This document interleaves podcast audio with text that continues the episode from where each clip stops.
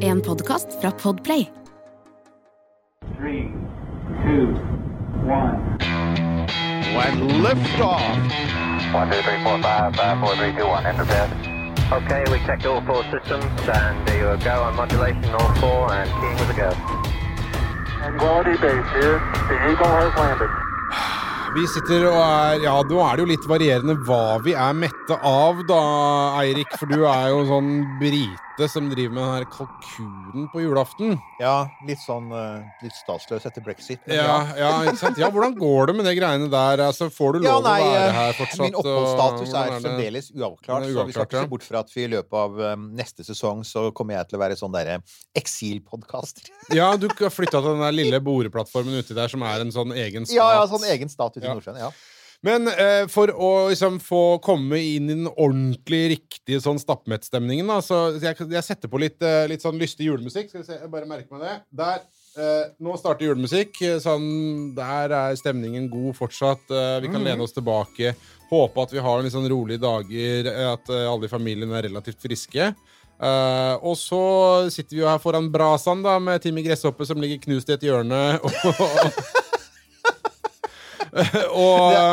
Jeg visste at det der ville si altså man, glem, når man, man glemmer allerede liksom hvor, hvor var du da Bambi ble skutt? Vel, Ja. Nei, Bambis mor ble skutt. Ja. Hvor var det da du fikk høre at, at Timmy, Timmy Gresshoppe ble knust? Ja, Ja. Mm, Nå vet du det. ja, sånn. Kanskje på vei i bil til familien, og kanskje er du på vei i bil hjem igjen. Altså, jeg vet jo at Vi vet at mange hører på oss når de er ute og beveger seg, så, så i så fall så er det jo bare sånn, ja. Sånn er det. Og ved siden av oss eh, i eh, Ved siden av peisen i romkapselen, så, så, så er jo nå, nå har jo du på en måte blitt julegjesten, eller julenissen, da, Maria Astro Maria. Hei Ja, igjen, hei, hei. Og, og vel overstått. Jo, takk. Er du stappmett? Ja. På, er det pinnekjøtt eller ribbe går i eh, Jeg gjetter på svineribbe, siden du er østlandsk. I min familie så Ja. er det faktisk kalkun, Oi! Oh! Men, og se her. Men i mannens familie er det ikke det. Der blir det en litt blanding av alt Team mulig. Turkey, Team Turkey, Team Turkey.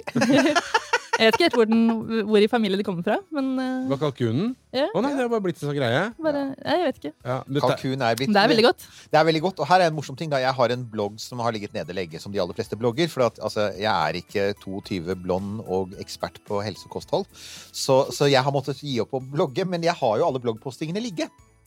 liggende. Og jeg pleier av og til å se på statistikken, og på denne tiden av året så går altså Eiriks kalkunoppskrift alltid veldig opp. Det er sånn uh, Eiriks julekalkun. Så, så det er det som holder bloggen min i live, som, holder- som gjør at Google fremdeles sender meg sånne meldinger om Er du klar over at folk ser på det?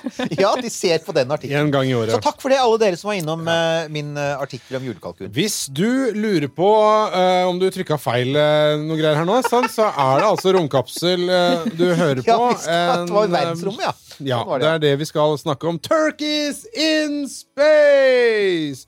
Uh, men uh, vi uh, har da altså tvista bitte lite grann på det nå i disse The Yuletide. Uh, det går i astronomi. Uh, i, å, fader, nå glemte jeg. Jeg hadde jo en sånn plan. Uh, jeg skulle se om jeg kunne klare å Det høres kanskje litt ondskapsfullt ut, men jeg tenkte jeg skulle liksom eh, prøve å se om jeg kunne klare å, å, å fornærme Maria ved å, å si sånn Og du er jo astrolog. Eh, Den har jeg hørt før. Så ja, du, det, ja, ja, det hadde du selvfølgelig. jeg føler det sier mer om deg, da. Ja. Zing! Burn. Ja, jeg tar den. Jeg tar den. Det er greit.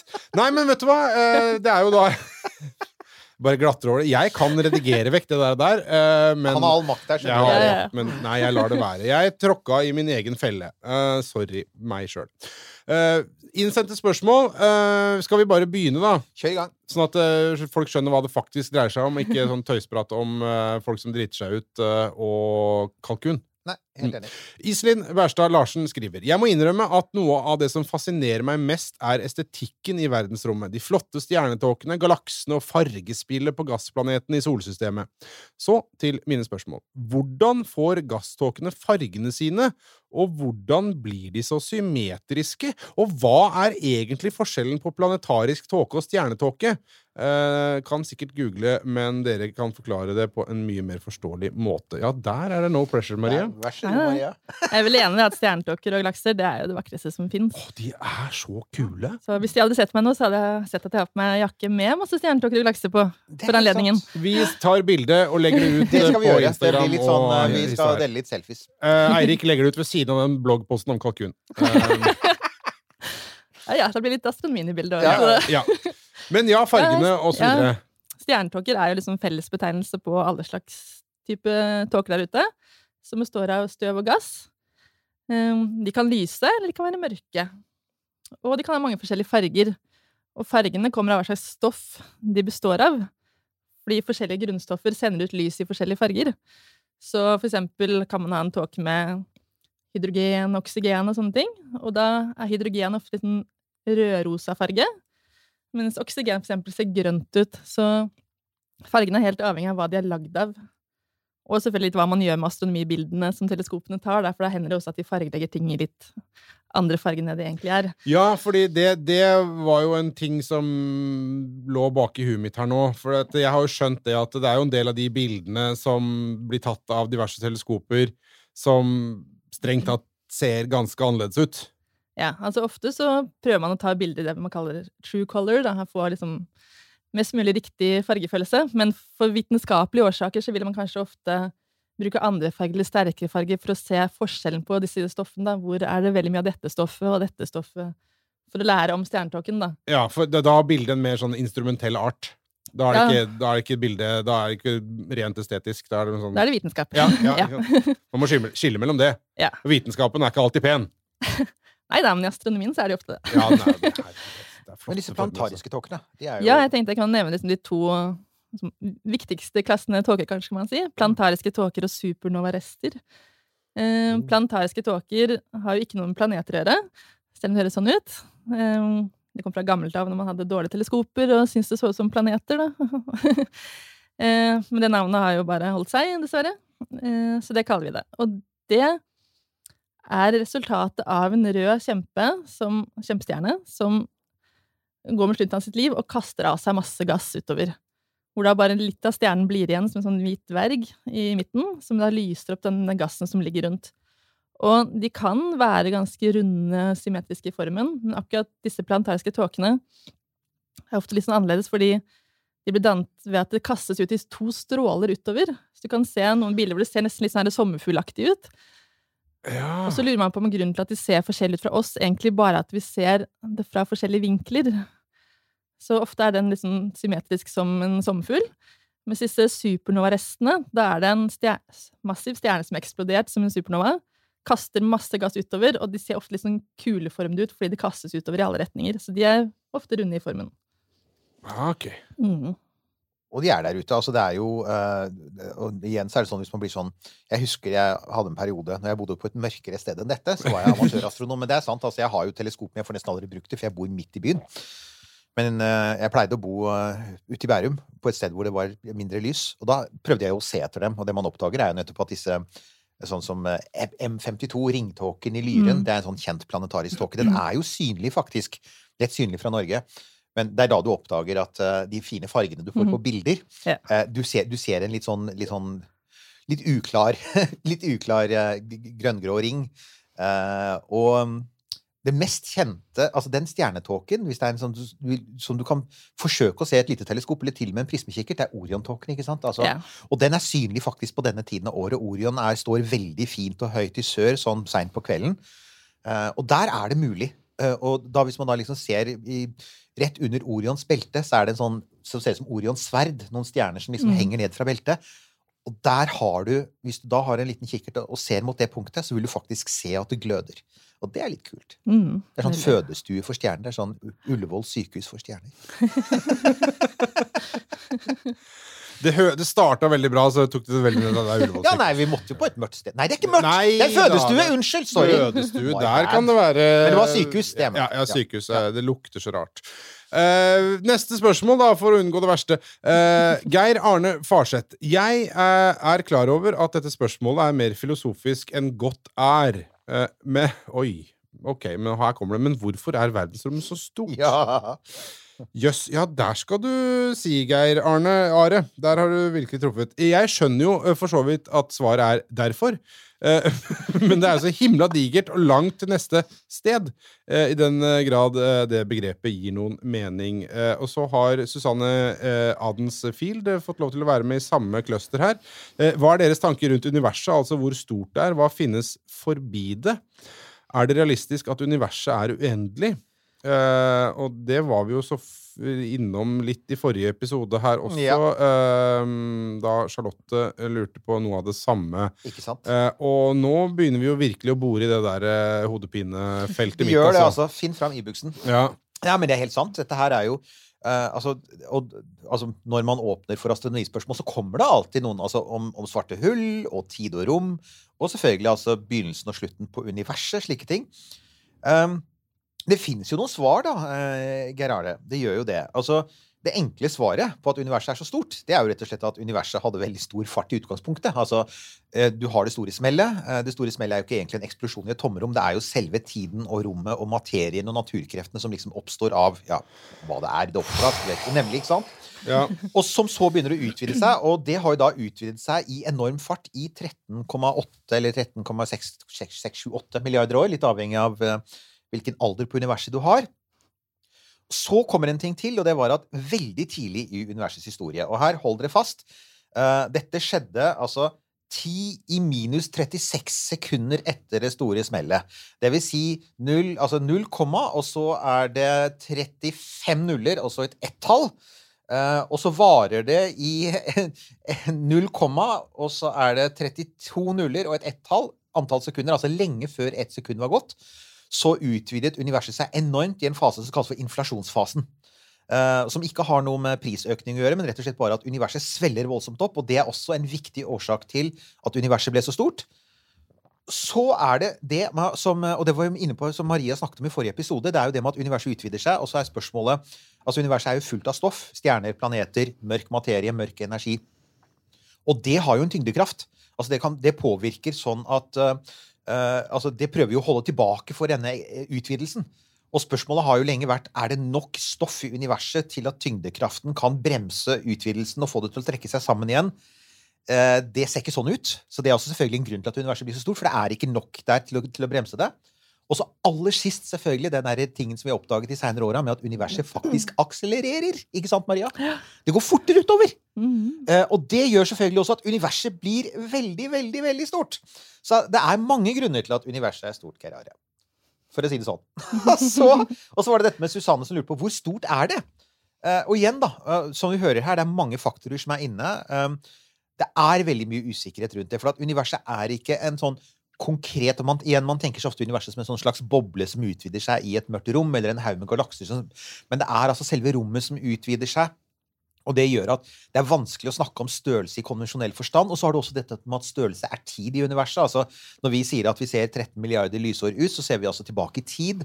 Og, og mellom det at vi får se Altså når vi ser lyset fra en veldig gammel galakse, så har jo den galaksen fløyet mye lenger unna, for det har jo gått masse tid imellom. Så ett ikke helt uvanlig anslag på det synlige universet, altså det vi kan observere nå innen, er altså Noen sier at det, eh, et anslag er 93 milliarder lysår tvers over. Og det høres eh, 93 milliarder lysår er ganske mye. og allikevel er det ingenting sammenlignet med det andre mener det er. Hvis man også legger til da inflasjonsfasen, så kan det være mange tusen ganger større enn det. Eller det kan for alle praktiske formål si, altså for alle praktiske formål si at det er grenseløst. For universet flyr så fort fra oss at på et eller annet tidspunkt så forsvinner galaks, de fleste galakser rundt oss ut av den altså av, over horisonten. Vi kan ikke lenger se dem, og da kan vi heller ikke nå dem. Så det er på en måte både en ting som utvider seg, og derfor kanskje burde ha en grense, men samtidig så er det jo egentlig grenseløst. Det er veldig vanskelig å forstå, Charlotte, og jeg skal si at jeg skjønner det ikke. Og dette er heller ikke en ting det er veldig stor Altså Her er det mange teorier, stemmer ikke det, Maria? Jo, så kan man vel heller ikke si om universet er uendelig eller ikke. Men så fort du sier at det ikke er uendelig, så blir det spørsmål om hva som er utenfor. Nemlig, og- ikke sant? så Ja, du- Midgardsormen som på en måte ligger og vaker i ytterkant der. Så du får liksom ikke noe slutt på det uansett. Nei. Nei. Nei, og hva er forbi? Hva er er etter Midgardsormen? Der er liksom The Construct, sånn som det er i Matrix. Bare sånn der åpent, hvitt sånn makerspace hvor alt kan skje, og alt kan oppstå, men man kan bare ønske seg et eller annet. Ja. Og, det, er- og det, er, det er, på en måte så er det litt sånn For det er, et, det er, et, veldig, altså sagt, det er et veldig godt spørsmål som eh, Susanne og Charlotte stiller her. Dette med altså, hva er utenfor universet, og hvor stort er det? Det er veldig gode spørsmål, og det er jo noe som kosmologer, ikke kosmetologer, men kosmologer For det er også en ting som folk av og til får. Å, du er kosmetolog. Ja. Um, og, og, det, og det, er jo, det er jo ting som jobbes med hele tiden, men, men dette er et sånt veldig godt eksempel på at eh, vitenskapen er en prosess, og ingenting er ferdig.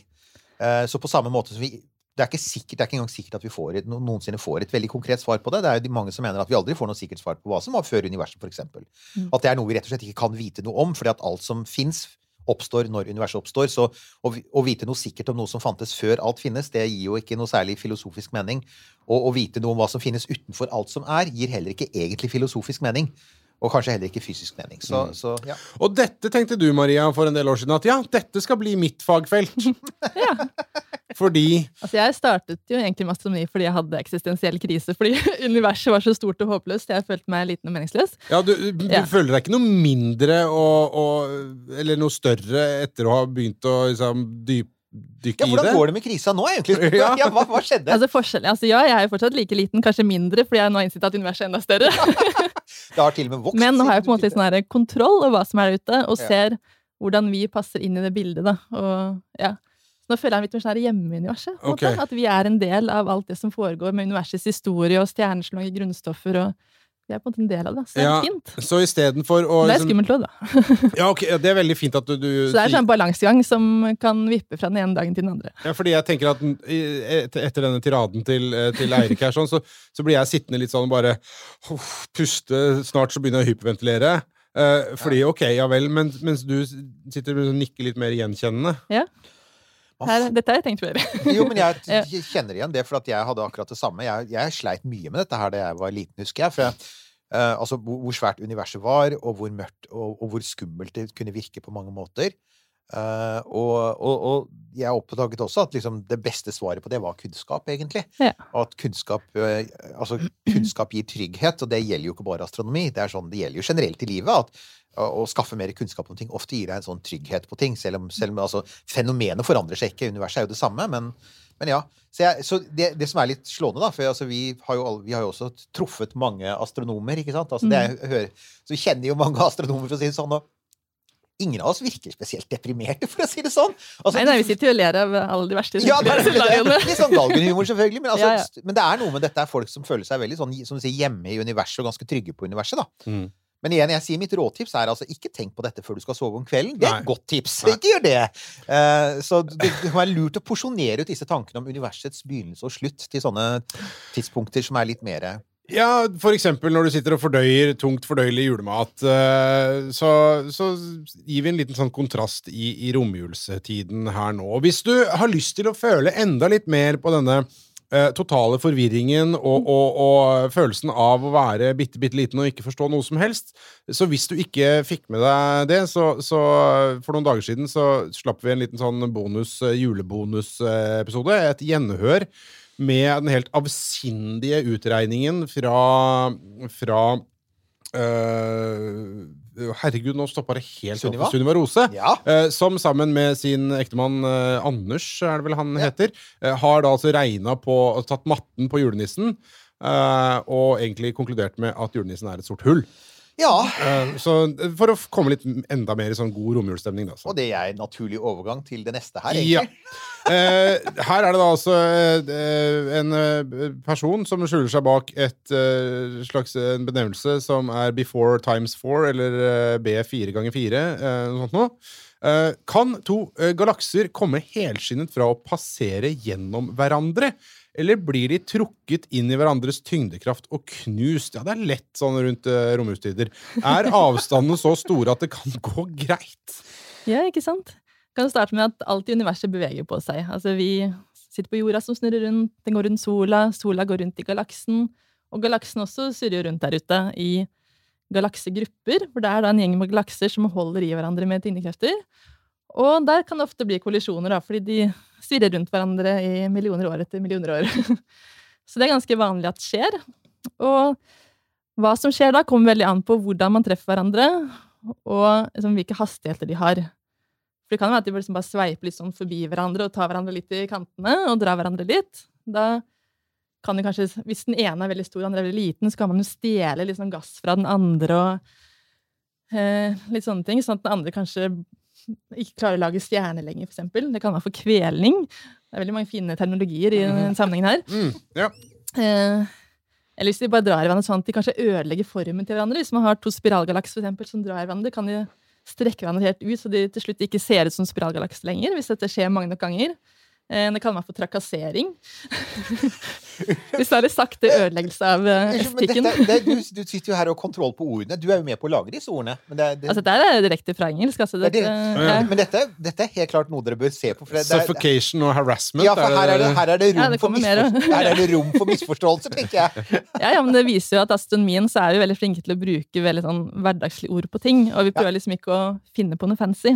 Nei. Det er sånn et svart hull er et svart hull, og så Trakassering er trakassering. men ja. Um, så galaksene kan jo dra i hverandre og endre på hverandre på den måten. Men la oss si at de liksom er rett på kollisjonskurs, da. Så er det sånn galakser Det er så mye tomrom. Altså det er så enorme avstander mellom stjerne og galakse. Selv om på et galaksebilde ser det liksom veldig tett ut, men det er jo enorme avstander. Storgalakser kan faktisk bare skli rett gjennom hverandre uten at det er en eneste stjerne som kolliderer med en annen, og klare seg. Altså, de vil jo kanskje dra litt i hverandre, da, sånn at eh, noen stjerner får litt nye baner og sånne ting, men det er ikke sikkert at det faktisk er en kollisjon. De bare glir gjennom hverandre. Og så er det avhengig av farten de har da, om de vil på en måte dras tilbake igjen, og etter hvert få en sånn runddans hvor de kommer nærmere nærmere hverandre, og til slutt slår seg sammen til en ny galakse. Og det kommer til å skje med Melkeveien. Om sånn fem milliarder år så er Melkeveien og Andromeda-galaksen på kollisjonskurs. Og vi går rett mot hverandre, og de vil ha en sånn runddans hvor de etter hvert da slår seg sammen til å bli en ny og større galakse. I dag Ja, ja og det, det ser for meg at det vil være et, eh, litt sånn, en, en relativt eh, spektakulær eh, hendelse som man ikke kanskje er så gira på å være en del av. Dette her blir sånn cirka samtidig som sola dør, så for oss er det litt sånn spennende om vi i det hele tatt Whatever. Så kan jeg til å gå glipp av det også. Ja. Men, og så er det sånn at både Melkeveien og Andromeda-galaksen er jo spiralgalakser. Når de da begynner liksom å virre rundt hverandre sånn og dra masse hverandre og slår seg sammen, så blir det sannsynligvis en elliptisk galakse. De klarer ikke å holde på de vakre spiralmønstrene, og alt blir liksom begynner å dra i seg. Så da får man en annen type galakse. Og det tror man er en viktig del av hvordan galakser i universet blir så store, og at ofte elliptiske galakser er veldig store, fordi man har hatt sånne kollisjoner da, hvor små galakser har klumpet seg sammen til å bli større og større galakser. Så, så lokalt vinner tyngdekraften. Og, når da, og hvis man har liksom en veldig stor galakse som liksom sluker opp en annen, så kaller vi det for kannibalisering. Ja, Ja. ja det, er, liksom- det er alle Du, du skjønner jo nå hvorfor du studerer dette faget. koseord. eh, Så, så eh, kan altså passere rett gjennom hverandre, men hvis hastigheten ikke er stor nok, så vil de da måtte trekke seg tilbake til hverandre da, og slå seg sammen. Ja, Det er jo en ting der, da. Altså, både, altså Melkeveien har vel og, og, og Melkeveien har jo, og, oss- og Andromeda har vel også altså svarte hull i midten, ikke sant? Ja, så Og de vil det kan skje interessante ting med de svarte hullene når de begynner å De skal vel antagelig Altså ja, Kommer de til å smeltes Altså, har man tenkt har ja, det er det man ser for seg, at de vil på en måte smelte sammen til et enda mer supermassivt svart hull, Også, som vil være i midten av den nye galaksen. da. Og så vil antagelig denne tyngdekraftpåvirkningen fra når de kolliderer, da, vil antagelig mate dette superhullet mest. Så det blir sånn Det vil bli ganske mye aktivitet rundt det svarte hullet. Men så er det noen som har regnet på da, hva vil skje med solsystemet oppi det her. Ja. Eh, og det blir jo selvfølgelig bare sånne spekulasjoner, da. Men, eh, men sannsynlig så vil solstemmen kanskje havne et annet sted. At det liksom blir slunget ut av banen sin. Kanskje blir slunget helt ut av galaksen og bare fortsetter ute i verdensrommet alene. Ja, det er jo Det, altså, det, det, er, det er så You can't make this shit up, uh, føler jeg. Og det er det, Samtidig som det er sånn Jøss, for en fascinerende hendelse. Og, og, og eh, tenk å liksom kunne sitte og surfe på jorda idet noe sånt skjer, men på den annen side ikke, eh, tenker jeg. Eh, og plutselig er man et annet sted. Men altså, i en sånn prosess, når sånt skjer, og du snakker om fart og, og sånne ting eh, det er, Jeg antar bare at det allikevel er snakk om at dette her er ting som tar tid. Ja, det tar jo milliarder av år. Ja. Ja. Det er ikke sånn at det er en kollisjon som plutselig skjer. Nei, nei, så vi kan jo da sitte og se da, om noen Ja. milliarder år at eh, Andromeda liksom blir større og større på himmelen vår. Og så Ja. etter hvert kan vi begynne å se dette melkeveibåndet som vi kan se ved himmelen, at det liksom begynner å vri litt på seg og, fordi det begynner å dra i hverandre. da. Og når vi kommer nærmere hverandre, så vil jo gassen i Melkeveien og Andromeda blir liksom presset sammen sånn at man plutselig får veldig masse stjernedannelse. Oh, ja. Så blir det sånn eh, fyrverkeri, nesten. Så siste lille sånn burst før alt sammen roer seg og det blir mørkt. og kaldt. Ja. Men, men altså, det er jo morsomt, da, for at um, Maria snakker jo nå astronomispråk. Hun sier så ser vi at det nærmer seg. Ja, det tar to milliarder år. Ja. Men ja, Ja, ja, vi ser at det nærmer seg. Hvis du følger med veldig nøye. Hvis du, hvis du, nemlig hvis du følger med innmari nøye, så ser du at det er en liten forandring.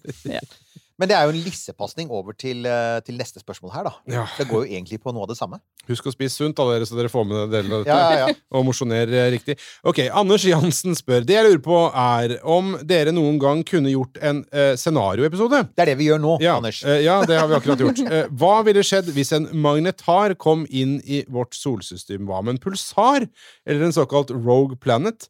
Eh, hadde vært gøy å høre deres innspill på dette. Jeg vet ikke om det blir gøy. Nei, altså, Anders har faktisk Dette er et spørsmål som har ligget på vent lenge, og han, han relanserte det. Han sa 'Husker dere at uh, jeg spurte om dette?' Og jeg sa ja, ja, ja. Men altså, vi har liksom bare ikke hatt uh, tid til å ha en uh, Det var jo et astronomispørsmål, Ja. så det ble satt på vent. Men no, OK, her er din sjanse, Anders. Du har uh, venta lenge. Ja, altså, det var jo som Marien, Maria nettopp sa, og det er altså at ting farer gjennom universet, og av og til så kolliderer ting med hverandre, og av og til så kommer ting nær hverandre. Og da påvirker tyngdekraften, altså fordi alle ting med masse i universet har jo tyngdekraft. Så vi kan jo starte med planet, da. Altså tanken på at det ikke Altså, vi har jo allerede vår venn Oumuamua, som fløy omkring. Ja. Oumuamua. Oumuamua. Oumuamua. Ja. Som fløy gjennom solsystemet, og som jo ikke satte noe spor etter seg, bortsett fra på Harvard, hvor man mener at det var et romskip. Men ellers så var det, skjedde jo ingenting. altså Det, ble jo ikke, det var ikke noe tyngdekraft, det var ikke noe gass, det var ingenting som påvirket oss. Men det var fordi den var så liten og lett. Men det er jo det han sier Rogue Planets, altså frittsvevende planeter. Maria var inne på det nettopp dette med at av og til så blir faktisk solsystemer kastet ut av galakser. Ja. Av og til så blir faktisk planeter kastet ut av solsystemer, og det kan f.eks. være hvis du har et dobbeltstjernesystem, og du har en planet som forsøker å liksom sånn navigere seg mellom to stjerner, og så kan du være riktig uheldig, og så får du feil vinkel, og så kan du bli slengt ut. Eh, Eller at en stjerne kommer for nær en annen, og da kan også en planet bli slengt ut, og da farer den gjennom som sånn ensom, eksempel. Så det kan være en Jupiter der ute, som er selvfølgelig helt bunnfrossen, for den ligger langt fra stjerner, og som er på vei mot vårt solsystem. Hva vil skje hvis en sånn Jupiter da nærmer seg? For det første vil den da fly gjennom denne ytre skyen, Ortskyen, som er full av kometer og isklumper og rester fra solsystemets dannelse.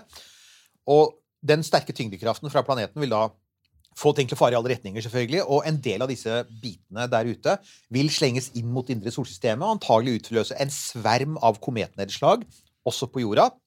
Så det er én ting. Når den da kommer nærmere sola og inn i det indre solsystemet, hvis den er stor og tung som Jupiter, så vil den helt klart påvirke banene til det den farer forbi. Eh, og Da kommer det an på hvor nær den er jorda, men uansett hvor nær eller fjern den er fra jorda, hvis den i det hele tatt går gjennom det indre delen av solsystemet, så vil jordas bane påvirkes. Og for eksempel så kan jordas bane altså Det mest sannsynlige er at jordas bane blir avlang, for å si det sånn. Altså at den nå er den fin og nesten sirkelrund, og så takket være tyngdekraften så vil planeten kanskje begynne å gå litt lengre og litt nærmere, og så får du ekstreme årstider, og så får du kometbombardement, og da er vi inne i et av disse koselige astronomiscenarioene igjen. Eh, Så, så ja, eh, det er, det er jo Men altså, det avhenger jo veldig av hvordan Det avhenger veldig av hvordan den treffer solsystemet. Den kan jo også selvfølgelig treffe midt på. Uh, hvis den kommer der ute fra interstellare rom. Den kan, fare, den kan suse rett inn i sola. Den kan for så vidt treffe jorda, men det mest sannsynlige er at den er langt unna, fordi solsystemet er ganske stort. Men uansett så vil jordas bane påvirkes, og det vil også banene til de andre planetene. Og, og det kan selvfølgelig føre til at ting etter hvert som ikke bør kollidere, kan komme til å kollidere. Så ja. Um, så uh, er det dette med, med en pulsar, og det er jo da resten av en supernova. Det er en, altså en nøytronstjerne, som er altså Det er en kjernen av en gammel stjerne som er eksplodert, som er så presset sammen at i praksis er det jo som ett stort nøytron. Det er som en, altså Den er superkompakt, den er sånn millioner av ganger tettere enn vanlig materie. Har veldig sterk tyngdekraft. Er veldig liten. Den er ikke, den er ikke stort større enn sånn type Oslo by, liksom. Sånn en mil i diameter. Har veldig, veldig, veldig sterk tyngdekraft. Og så sterk tyngdekraft at hvis en nøytronstjerne suser gjennom solsystemet, så Ja. Sjansen for at solsystemet overlever som et solsystem, er veldig liten. Altså Antagelig farer planeter i alle retninger. Jorda kan slenges ut av solsystemet, eller den kan slenges inn i sola. Men uansett, og kanskje den blir værende i bane rundt sola, men den banen har jeg ikke lyst til å si. Altså. Vi ler her. Ja, for det slår meg at dette er sånne, sånne historier som man sitter på sånne astronomijulebord og, Ja, ja, ja, ja, og forteller over eh, noe akevitt og en eh, litt sånn dyp juleøl. Og selvfølgelig, hvis den kommer nær jorda Den behøver jo ikke treffe jorda engang. Hvis den kommer nær jorda, den har en så vanvittig sterk tyngdekraft at altså, den, den river jo Den spagettifiserer jo Den trekker jorda ut nærmest en tynn tråd ned på overflaten sin, som svarte hull også gjør. Men altså, nøytronstjerner er ikke svarte hull, så det, det vil være en overflate som disse restene lander på. Og, og fordi at den har så sterk tyngdekraft, så får da disse jordrestene veldig, veldig høy fart. Og vil jo da suse ned på overflaten i enorm fart og generere masse energi. Så denne, denne nøytronstjernen vil antagelig gløde der den farer gjennom solsystemet og eter opp planeter på sin vei. Men kan vi bare Og så er den gode nyheten, for så kommer magnetarer. Ja, men før du tar Og gjør alt fint igjen. Der, ja. Men bare før Når, når, når, eh, når eh, du nå, Eirik, og også Maria, når dere snakker om slynges og kastes og Ja. sånn, er vi fortsatt på at uh, det, det er ting som tar lang tid? Altså, det er ikke sånn at det kommer en La oss si det kommer en, en, en, en nøytronstjerne da, som liksom uh, farer gjennom. Hva er farer? Altså, hva, hva slags fart er det vi snakker om? Det er ikke Å, noe som man plutselig, Nei, nei, nei, altså, plutselig skjer. Altså, det tar. Nei, nei, det vil, altså, dette kan foregå over måneder. Oh, ja, ok. Vi er på, vi er på Vi er såpass kort tid. Ja, ja, så vi, har, vi vil ha veldig god tid til å grue oss til det som skal skje. Ja, ok. Ja, ja. Men du har helt rett. altså dette her er jo, altså Hvis man tenker seg eksempel en planet eller en, en, en, en sånn fritt, en stjerne som beveger seg i stor fart, så er det fremdeles ikke sånn at vi snakker om sånn lyshastigheten eller sånt, når vi snakker om noen titalls kilometer i sekundene. Altså sånn samme type fart som igjen Oumea-Mea hadde. Mm, mm. Eh, eller som en, en rask eh, meteoritt har, eller en rask asteroide har. Det er den typen fart vi snakker om. Kanskje litt mer enn det.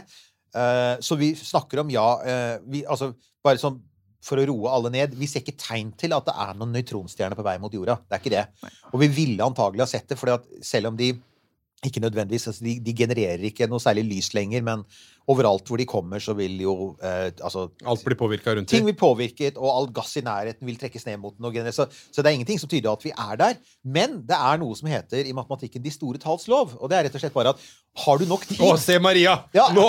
Og nå koser hun seg, vet du. Nå. Nå kommer dritten. Og Maria, hva betyr de store talls lov for solsystemet vårt? Det er vel at Hvis man venter lenge nok, så kommer det vel et eller annet. It's gonna happen! Ja, det kommer til å skje. Sånn at når jeg sier at nei, nei, i, løpet av vår levetid så, så, så kommer dette ikke til å skje. Det er ingenting som er på vei mot oss, det er ingenting vi ser.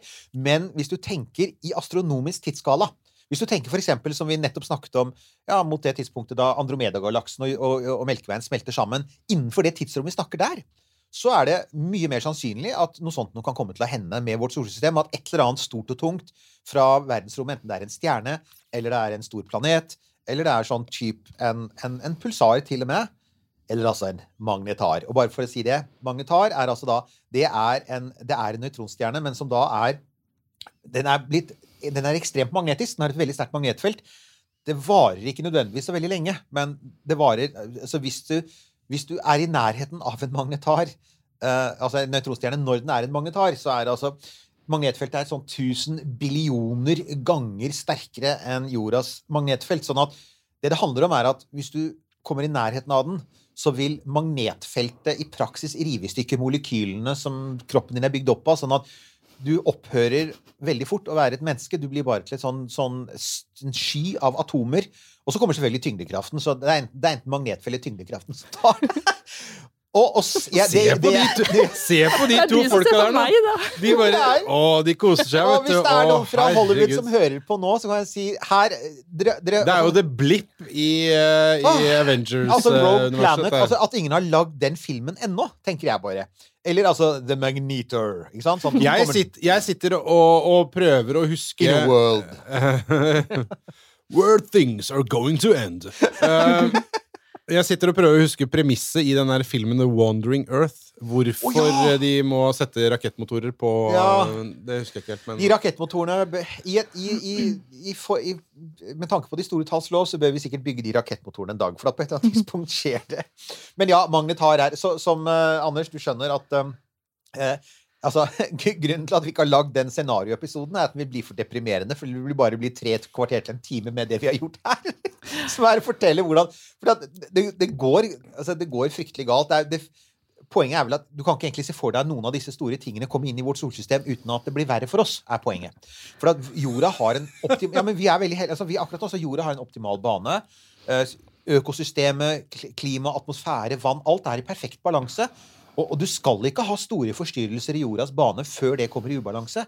Så, så jeg vil si det at vi, det, vi i, i, jeg kan ikke se for meg noe scenario hvor noe stort og tungt med tyngdekraft kommer inn i solsystemet som etterlater oss et bedre sted. Det vil antagelig bare bli verre. var poenget mitt. Der var det sagt. Ja. Og det som da slår meg nå, er jo at alle disse eh, Altså Mulighetene, da. Alle de forstyrrelsene.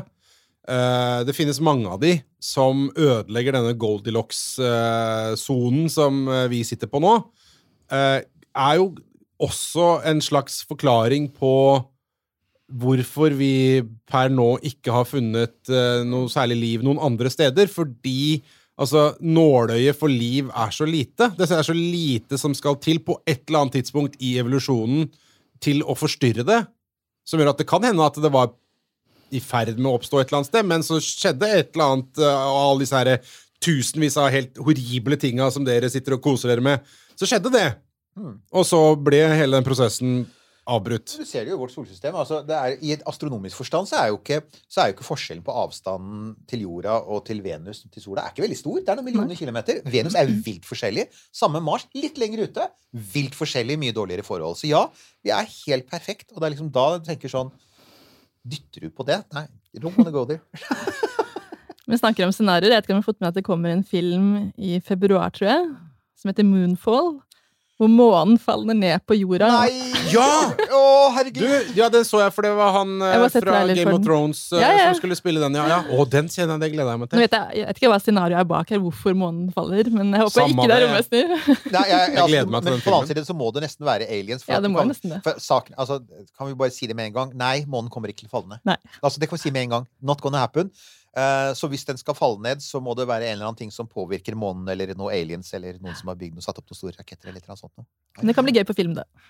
Vi får se. Ja, det tror jeg helt sikkert det, det blir. Altså, og som regel så er det jo et eller annet fælt som eh, skjer, eh, som er premisset for sånne filmer, og for all del, jeg digger jo det.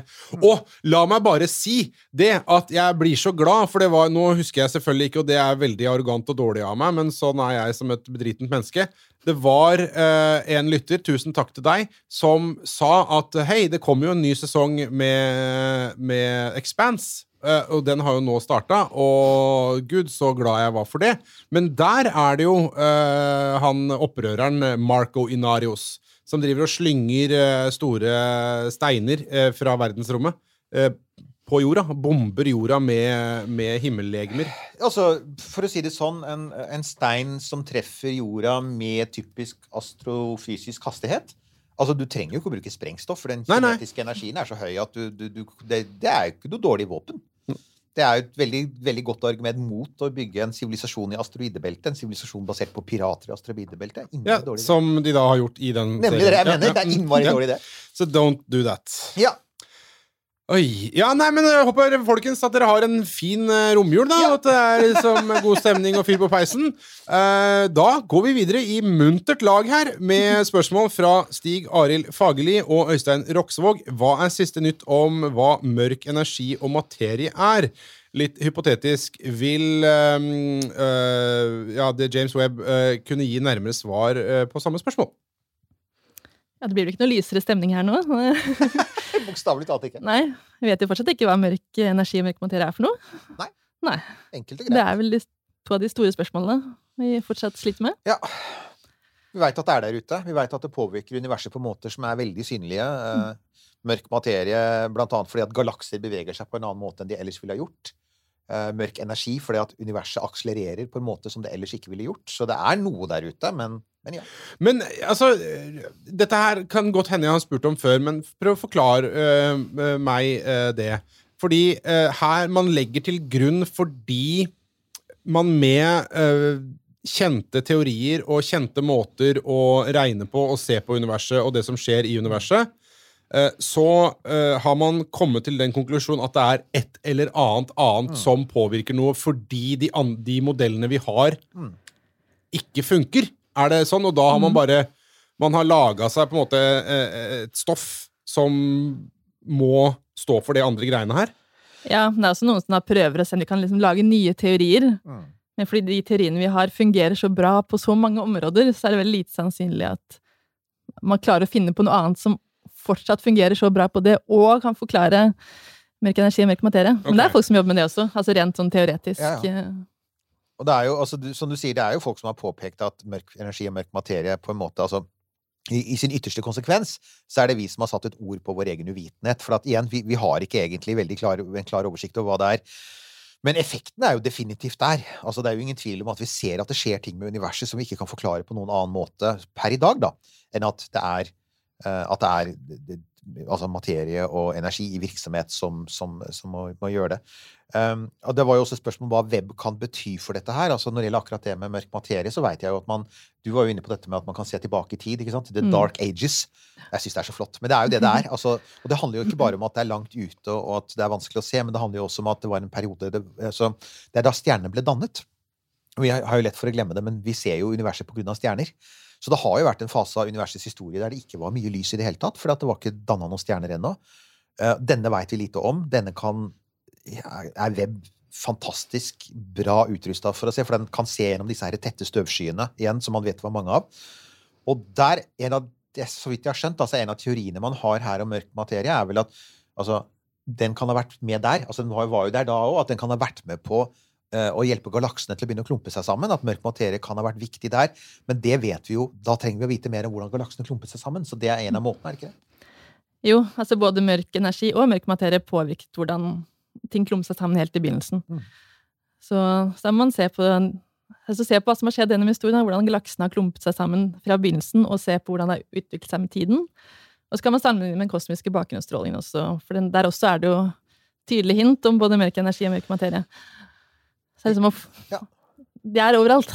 og, og, dette er jo også, og det er jo viktig av en annen grunn også, for altså, man trenger noe for å få For det er sånn Uh, igjen, I dag så er all materie samlet i altså Mesteparten av materien er samlet i galakser, den er samlet i stjernehoper og samlet i stjerner og planeter. Men da universet oppsto, så var det jo ikke nødvendigvis sånn. Altså, det, det var jo, altså, du hadde jo blant annet denne inflasjonsfasen som vi snakket om i forrige episode, hvor universet vokste, vokste voldsomt, og hvor også materien ble smurt utover. altså Det var veldig jevnt smurt utover. Og det er, en sånn- det er litt sånn paradoks i starten av universets historie. er dette med at På den ene siden så er materien veldig jevnt fordelt utover, men samtidig så ser du veldig fort at det begynner å klumpe seg. Mm. Det går ikke så veldig mange hundre millioner år som er veldig fort. Yeah. Så begynner materien å klumpe seg, og, og, og, og du begynner å se de første sånn protogalaksene, og, og ting begynner å skje inni dem igjen. Og så kommer de første stjernegenerasjonene, og så etter hvert kommer vi. Og det måtte til. For hvis, hvis, hvis stoffet i universet hadde vært smurt pent og jevnt utover, som det egentlig lå litt an til i starten, da, så, så hadde jo aldri vi så hadde jo, hadde jo ikke vi skjedd. Vi hadde ikke fått stjerner. Vi hadde hatt, da hadde vi fremdeles kanskje hatt et mørkt univers. Så, så ja, det er utrolig viktig å forstå hva er det som liksom starter den klumpingen av galakser. Ja, så er det også sånn at Hvis den mørke energien eller mørke materien hadde oppført seg annerledes, kunne det hende at vi ikke hadde fått galakser i det hele tatt. At det aldri ble noe som helst. Mm. Eller at det tok veldig mye lengre tid, eller at det gikk fortere. Så påvirker utviklingen veldig det. At de fant, finnes i det hele tatt. Så det vi kan si er at det er litt som eh, mye annet vi har snakket om i, i, i disse episodene. Og det er, det er veldig mye uavklart, men at det egentlig er ganske gøy. Jeg, jeg, det, jeg fikk opp et bilde her nå. Det er at uh, mørk materie er universets svar på ordresokken. ja! Det er, Det er og, litt sånn og hvis vi har litt uh, yngre lyttere her, så er det bare å gå ut og uh, Orderud-saken. Bare eh, putte i google ja. ordresokken. Eh, For, eh, og, og, for vi veit jo fra lytterstatistikken vår at det er faktisk en god del eh, folk som ikke ser ut som Nils Johan og meg, som hører på dette, og det er veldig bra. Det er det. Eh, og en av de tingene som jeg sier, alltid pleier å si, er det med at det, når vi da sitter her og, og forteller om hvor lite vi vet, så er det egentlig en veldig god nyhet for alle dere som har lyst til å jobbe med, eller som er nysgjerrig på dette. fordi det betyr at vi, det er, altså, mesteparten av universet er ikke utforsket ennå. Det er, så, det er noe av det kuleste med astronomi. er jo det at Mesteparten av universet er ikke utforsket. Det er Mm. masse masse, masse jobb å gjøre. Det blir aldri slutt på jobb. Og når det gjelder mørk materie og mørk energi, eller spesielt mørk energi, så skal Norge være ganske involvert framover med Euklid-romteleskopet, som ESA holder på med, som skal skytes opp i 2023. Som, OK. hvor Det- hovedfokuset er mørk energi, rett og slett. Og hvor norske astrofysikere er med. Uh, visste du om dette, Lise Johan? Nei, selvfølgelig gjorde jeg ikke det. Og det, er jeg heller. Dette er jo kult. Altså hashtag notert. OK. Ja. Da, dette Ja, er det jo- bare å ta kontakt med instituttet. Ja, det må vi gjøre. Ja, for dette er kjempespennende. Mhm. Ja, nei, altså, men igjen, som jeg sier, det er jo noe av det morsomme. Jeg tror det er norske instrumenter på den også, hvis jeg ikke husker feil. Hallo, Så her da- er det en gullgruve. Ja, der, her, her, er det, her er det ti episoder med en gang. Ja. Nei, men altså, det er jo, jeg sier, Denne podkasten skriver jo seg sjøl, for at det, er, det skjer jo alltid noe. Altså, Det er alt noe hele tiden. 1202. Nå skal jeg bare finne fram popkornet, lene meg tilbake og stille neste spørsmål. Så bare Jeg finner fram noe marsipan, jeg. Altså, eh, jeg kan gå og leite etter berlinerkranser ute òg, mens dere svarer på dette her. Eh, vær så god. Spørsmål fra Jonas. Fin, Finnes det noe positivt svar på Fermi-paradokset? Vær så god. Jeg syns det var så bra. Det måtte nesten med. Altså, ja eh, bare kjør, dere. Fermi-paradokset er jo en gjenganger hos oss. Sant? Ja. Uh, det er mye negativitet i Fermi-paradokset. Senest i går så, så jeg en sånn film som var sånn var det The Dark Forest. Vi må være stille der ute i universet, for at det er som å gå rundt i en stor, mørk skog, og det sitter stadig vekk altså, Grunnen til at det er så stille ute i universet, er at det er så mange skumle der ute som, som, som Ligger og lurer. Ja! Jeg skjønner, jeg skjønner jo hvor han kommer fra, hvis du Mm. ser på listen over Fermi-paradoksforklaringer, da. Så er veldig mye handler om sånn Er livet oppstår ikke, vi er alene, eh, sivilisasjoner utsletter seg, det store Mm. filteret Alle det store filteret er fryktelig negativt. Så fins det noe positivt? Det Altså, en ting jeg tenker på, er jo dette med timing. Altså, la oss si at det fins masse bebodde steder i galaksen vår, og at noen er liksom innen kommunikasjonsrekkevidde, da, sånn at vi kan høre de hvis vi sender ut noe. mm. Så må vi høre på riktig sted til riktig tid. Mhm. Altså, teleskopene våre må jo være rettet den veien og lytte akkurat mens den sivilisasjonen sender et signal i vår retning. I praksis må da den, denne planeten sende ut signal mot oss i sikkert tusenvis av år for at vi tilfeldigvis skal treffe riktig planet til riktig tid. Og nå finnes det jo milliarder av planeter i galaksen vår, og vi er, så vidt jeg skjønner, så er vi lyttet til sånn tusen stykker av de. Ja, ja, nemlig. Jeg tenker det samme. Altså at, altså at det vi At jeg hadde sånn Dette med at det kan hende vi For det første kan hende vi er først ute. Det kan jo det. Altså, og det er ikke nødvendigvis noe negativt. Det er bare nøytralt. Det er bare, det er bare hva det er. Sånn der, ja. uh, det er sånn det er. Og for så vidt, hvis du er, hvis du er eh, en, eh, en eh, innovatør, gründer med sånn sans for eh, romlasere og lignende ting, så er det selvfølgelig et veldig bra sted å være, for det betyr at du kan komme til å erobre galaksen. og det er, jo, det er jo opptil flere milliardærer der ute som egentlig mener at Mars for eksempel, kan være et godt ikke, Mars er jo ikke slutten, det er starten. Mm. Um, så det er, det er ikke nødvendigvis negativt. Og som du sier, det der med at vi, at vi rett og slett At det, det kan være noe med eh, at det er mye vanskeligere rett og slett å få tak i disse dataene enn vi tror. Vi har lett Mm. lite, men at det også er vanskeligere. Det var en av lytterne våre, det var sånn, eh, husker jeg ikke navnet hans dessverre, men han påpekte det med at det er, altså, mange av disse signalene som vi snakker om at vi driver og sender ut, de har en tendens til å drukne i støyen også, for det er innmari mye radiostøy der ute, og det er et innmari godt poeng, som ikke alltid kommer godt nok fram. altså at eh, at jo da, det er noen typer signaler som vi sender ut, sånn type sånn, eh, blant annet radaranlegg og slike ting.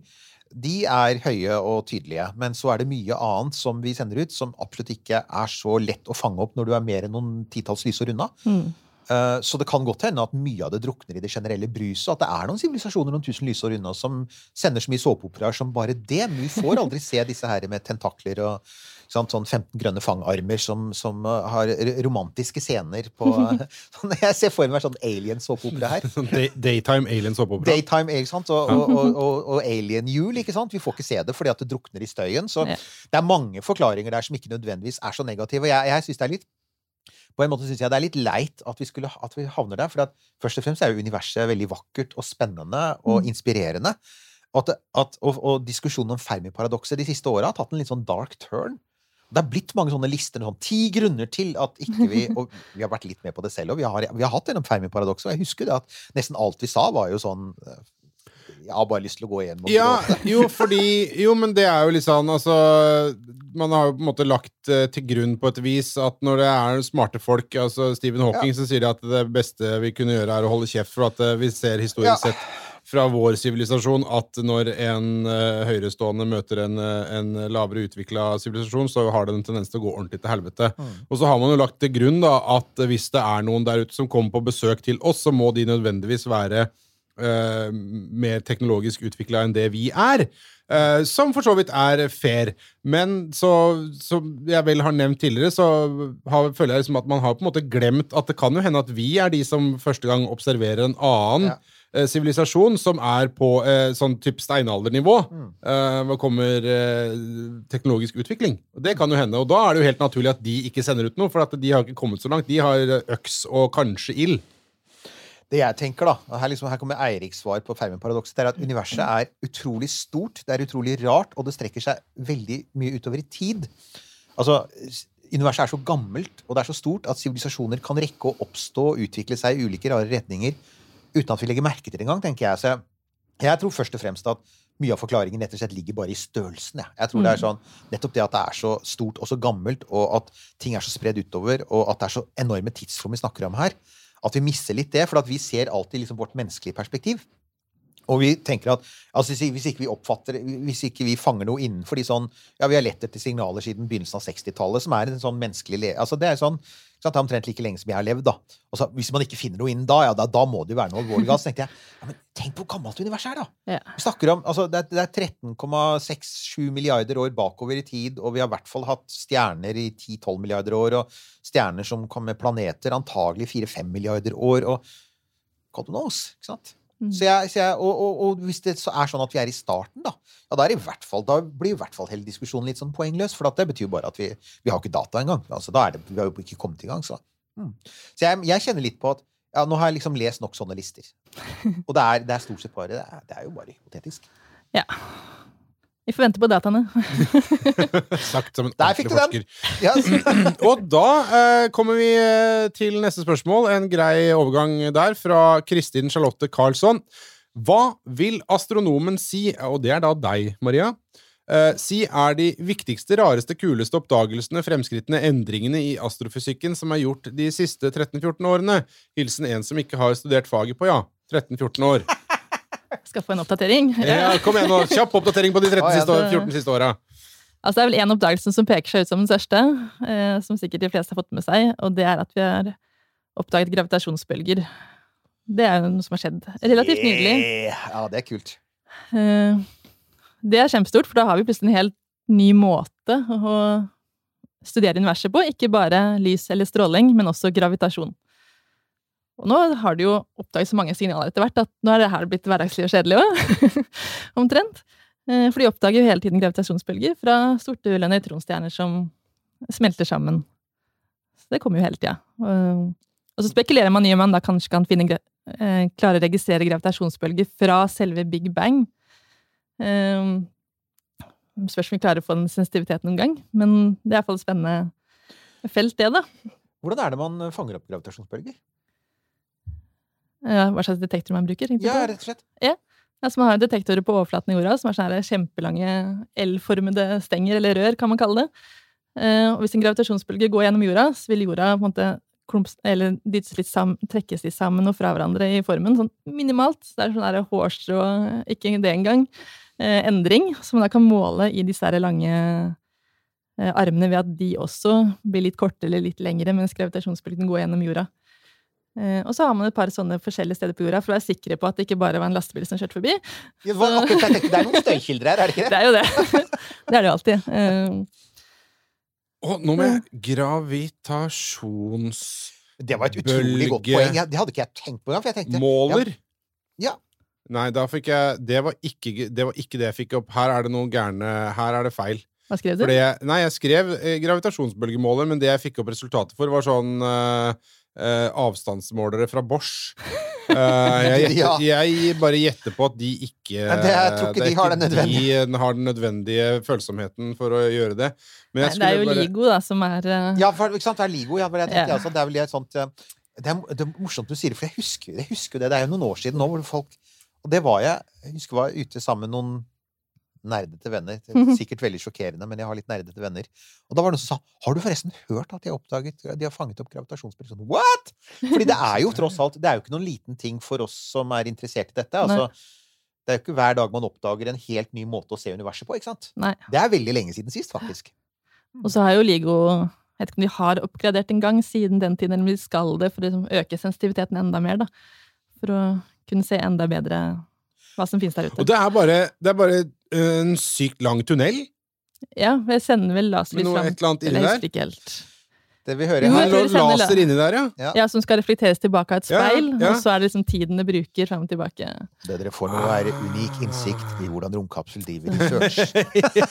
ja nei, men for, Det er jo sånn ganske enkelt opplegg, egentlig. Det er Ja. sånn greit å Ja, det er forstå. Det er jo, og det, jeg syns jo det er ekstra morsomt at man har klart å få den sensitiviteten i noe som er så enkelt. For at det er noe med det også at det handler jo, man har jo dette er jo sånn helt siden jeg studerte eh, astronomi i sin tid, og det begynner å bli eh, litt sånn før Tyrannosaurus rex, så snakket man jo om nettopp det, hvordan man skulle må... For at gravitasjonsbølger har jo vært en ting som har vært forutsett lenge. Der er jo fysikken veldig ofte at den sier vi Mm. tror at dette fenomenet fins, eller våre ligninger viser at det fins. Mm. Og så sier teoretikerne, og så kommer observatørene etter og sier ok, hvordan kan vi prøve å knekke den koden? Og dette har de jobba med veldig lenge, så det der, er- dette, er jo, dette er jo ikke noe bare man snubler over. Dette her er jo tiårs innsats for å Mm. knekke dette. Så ja, man har fått et nytt uh, kraftig redskap. Det, by the way, det var, var vel Sunniva som fortalte oss dette med at man også innenfor den samme perioden så har man også oppdaget dette her med at, at det er ganske mange av de tunge stoffene i universet som er dannet i kollisjoner mellom eh, Når nøytronstjerner kolliderer Mhm. som også sender ut gravitasjonsbølger, så det er faktisk kobla til det. Det, var, det. det er også en sånn relativt ny ting. For da, igjen, sånn barnelærdom for astrofysikere er liksom at de tunge stoffene dannes i supernovaer. Så sier nei, nei, det er visstnok sånn at Så universet er enda rarere enn vi trodde. Ja, men, men, altså, men det, det, det som er gøy, da altså, Når du har eh, fagfeltet astronomi her, som er så voldsomt og enormt, eh, og når du da får en sånn oppdagelse som er eh, såpass banebrytende, eh, så føler jeg at det, det, det er liksom blaff av eh, optimisme på, på et vis. Da, at man Å ja, man Yes! Man, her klarte vi å finne ut av det. Så det, det er sånn Ja, det lar seg faktisk gjøre å finne ut av de der sjukt vanskelige tinga. Dette var i 2015 at vi fikk den første deteksjonen. Og det var mulig fordi teknologien har kommet så langt som den har gjort. Så vi vet jo ikke hvor dette vil bære videre når ting bare blir bedre og bedre. Mm. Eh, og så var det bare noen år etterpå hvor de klarte å eh, måle gravitasjonsbølgene fra nøytronstjerner som kolliderte. Men var raske nok til å ta bilde av det også med andre teleskoper. Så de hadde så enormt globalt Wow. samarbeid med Hubble og masse andre bakketeleskoper. Klarte å få bilde av det og studere det over tid. Og det var vel da blant annet de så dette med nøytronstjerner, hvilke stoffer som ble dannet i den kollisjonen og sånne ting. Så Det er, det er gøy. Ja, så, men hva er da den neste store tingen som man håper at man skal klare å eh, finne ut av? Ja, som bortsett fra mørk materie. ja, men- ja, det var det, det jeg tenkte jeg skulle gi på. Det er ikke lov å si mørk materie. Så, Men er det da er det noe annet som er sånn der åh, oh, jeg håper de klarer å, å lage det til noen instrumenter som kan måle dette? Eh, Og det er ikke lov å si mørk materie eller uh, mørk energi. uff, nei, jeg vet ikke helt. Det er så mange små ting man lurer på med alle himmellegemer, holdt jeg på å si. Alle har jo sine mysterier. Um, Ja, mye. Altså, det jo det, det går jo på sånne ting som helt sånn grunnleggende ting i fysikken. ikke sant? Sånn partikkelfysikk og naturlover og, og, og sånne ting. Men, men, men astronomien er jo i tillegg så er det jo nesten som ja, det, Av og til så er det jo litt som det er å studere regnskogen. ikke sant? Sånn taksonomi. altså Veldig Mm. mye handler om bare at vi har en hel galakse full av fantastiske objekter som vi så vidt har begynt å se på. Så det, For meg så er alltid det det mest spennende. Faktisk er det alle de tingene der ute som vi vet er der ute, og som vi så vidt har begynt å pirke i. Mm. Og når vi begynner å se på dem, for det, det er liksom sånn uh, sånn, Apropos det, liksom, hva er det mest spennende som kommer til å komme ut av web? Vel, det, mest spennende som kommer til å komme ut av web, er den tingen vi ikke ante kom på. Altså? Og det, det kommer til å skje. Altså, hvis web kommer opp, og ja, vi, liksom, vi krysser alle fingrene for det, så vil den i løpet av sin levetid så vil den oppdage et eller annet som sier oh, wow! ikke sant? Den vil finne en variant på et fenomen, eller kanskje finne et helt nytt fenomen. mm. Jeg noterte meg også at i 2004 så var det jo første gang man fikk klart å ta et bilde av en eksoplanet. Og det er en ting jeg håper på sånn i fremtiden, at man får så bra kameraer. At, Altså Det første bildet er jo bare sånn blob som ikke ser ut som noe som helst. Men at man da i fremtiden kanskje får et kamera som er så bra at man kan se om det er Er det skog og vann her? Liksom, Den, det nivået. Det, er jo gjort, det har jo vært gjort sånne modellsimuleringer av sånne hypotetiske instrumenter som viser at det er mulig. At uh, du faktisk kan for se fordeling mellom hav og land og iskalotter. Og til og med, at du til og med kan komme til å se årstidsvariasjoner på Ja. planeter ved andre stjerner. Mm. Det er mulig, og det er ikke bare mulig sånn Ja, det kan vi om 300 år. Nei, nei, det er mulig med en forstørring. Altså ha, ha litt Men det trenger en enda større rakett. Så Elon, bygg Starship. Mm. Bygg Starship, for det er som veldig mange påpeker. Vi har jo egentlig lyst til å ha en egen altså Det hadde vært morsomt å ha en egen episode om de, for det fins noen sånne konsepter for sånne superduper-teleskoper. Ja. Landbaserte. eh, Mhm. du er jo også Er du fremdeles talsperson for European Southern Observatory? ja, ESO? det er For det er, hun, er, hun er alt, skjønner du! Ja, det er, Det er, det det er, sånn, stadig dette er en roller eminense i astrofysikken i Norge. infiltrert hele miljøet jeg, nå, fra Ja, alle vinkler. totalt. Hun er over, altså, det er så, bare sånn at dere vet det. Dette her, dette er eh, Ja. For altså, det er jo dette svære, flotte observatoriet nede i Chile. Ja, altså ESO er på en måte bakkesvaret på ESA. Altså ESA skyter jo opp romteleskoper for Europa, hvor Norge er medlem. ESO er litt som det samme for bakketeleskoper. Der er Norge ikke medlem per nå. Eh, prøvde litt sånn, Fagmiljøet prøvde å få i gang et medlemskap for et par år siden, men kom ikke gjennom med det, for det koster veldig mye og må liksom gjennom Stortinget og alt mulig. Eh, men de bygger da noen av verdens beste teleskoper i Chile, og holder nå på å bygge Extremely Large Telescope Det er så fint. som skal ha en diameter på 30 meter. Eh, Dagens største teleskop er vel sånn litt over 10 meter. Så det er eh, stor, eh, et stort hopp opp. Jeg leste at de, de utredet muligheten for 100 meter, men det Det er for utfordrende og kostbart. Så, så ja, nei, det er uh, Så det blir veldig spennende hva det teleskop kan brukes til. Da. Og USA også har jo snakker jo om flere lignende teleskoper, de også. Så det blir stadig større. Og på et eller annet tidspunkt så får vi også enda større ting oppe i rommet. Det er jo blant annet dette snakker som er sånn uh, Luvoir, sånn derre superduper gigantisk uh, ultrafiolett som Altså igjen, og det er mange av disse altså Jo større de blir, desto større er sannsynligheten for at de nettopp kan gjøre sånn med å se direkte på, Mm. på planeter, for eksempel. Og ikke bruk noe tid på en akronym der. Det er bare Extremely Large Telescope. Jeg syns bare så bra, jeg. Og jo, det var, det, det, det, et av favorittakronymene mine var der, var jo OWL, overwhelming, Overwhelmingly Large Telescope. Altså overveldende stort teleskop. var Sånn konsept. Ja, det lurer jeg på hva den er 100 meters eh, Det var det jeg sa, konsept. eh, ja. Så det blir ikke noe av. Og det er sånn OK, too bad. Du, eh, Maria, så utrolig bra. Nå tror jeg vi har snakket oss gjennom Vi har ikke kommet gjennom alle, men sånn er det bare, folkens. For det var for mange, og mange av dem var for bra, og noen av dem var for vanskelig til at jeg vi vågde. Nei da. Men, eh, men, men tusen takk for at dere alle sammen har eh, bidratt. Eh, håper at dere var fornøyde med svarene dere fikk.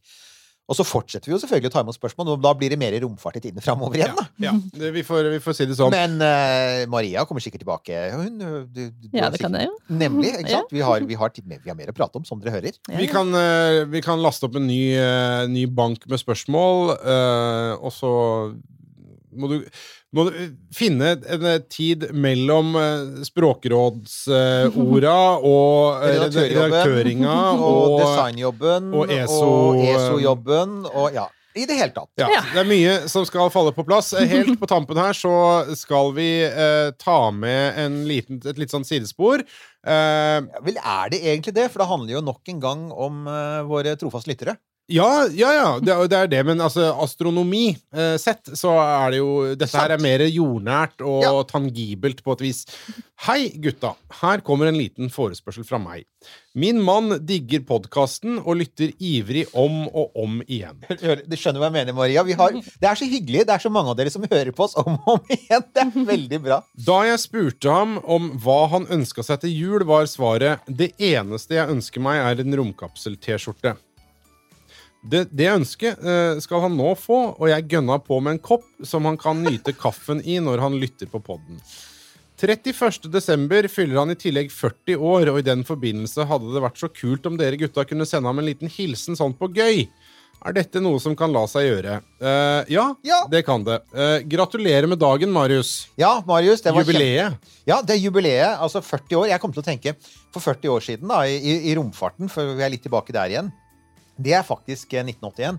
Og det var året for den første romferja. Så det var et interessant år i romfartens historie. Så det var et bra år å bli født, Marius. Og så håper jeg selvfølgelig at du, du henger med oss videre, fordi eh, I de neste 40 åra. i de neste 40 åra. ja, men det jeg kan si, da, er selvfølgelig altså, at hvis det, det, altså, det blir sikkert 40 til på deg, og da kan jeg si at i de 40 åra, da skal det skje mye kult, da. Mm. Da skal vi jo eh, Vi skal sende opp disse her overveldende store romteleskopene som skal finne eksoplaneter, og vi skal sende Dragonfly til Titan, og vi skal hente steiner fra Mars, og forhåpentligvis sende mennesker til Mars, og vi skal tilbake igjen til månen, Artemis, og Og vi har endelig klart å, å, å liksom eh, bruke kraften fra mørk energi til noe fornuftig. ja, ja. Så Marius, du kunne, ikke, du kunne ikke valgt et bedre år å bli født i, faktisk, tenker jeg. Så godt jobba. Og hvis du, som eh, Marius, har et eneste ønske her i livet, så kan du enkelt uh, få oppfylt det. Romkapsel.no. Der er T-skjorter og kopper. Uh, ellers uh, så kommer det vittigheter og nyttig informasjon om ting som skal skytes opp i verdensrommet fra Eirik på Facebook-sida vår, Romkapsel. Og så kan vi helt sånn på tampen av eh, året her nå Ja, for det er det det er. Herregud, det er jo 20 Annus horribilis eh, 2021 er snart eh, over. Så håper vi på lettere tider, og at vi oppdager vennligsinnede sivilisasjoner ute i eh, verdensrommet eh, i 2022. Og at eh, vi virkelig kan komme med positive svar på Fermi-paradokset. Ja! Ja. Eh, så skal vi bare si godt nytt år. Godt nyttår. Takk for det gamle, sier man vel kanskje. Fint år. Ja. Ja. Og igjen, eh, tusen takk for at du kunne komme på besøk, Maria. Dette var kjempegøy. ja, det var veldig hyggelig. Du har hørt en podkast fra Podplay. En enklere måte å høre podkast på. Last ned appen Podplay, eller se podplay.no.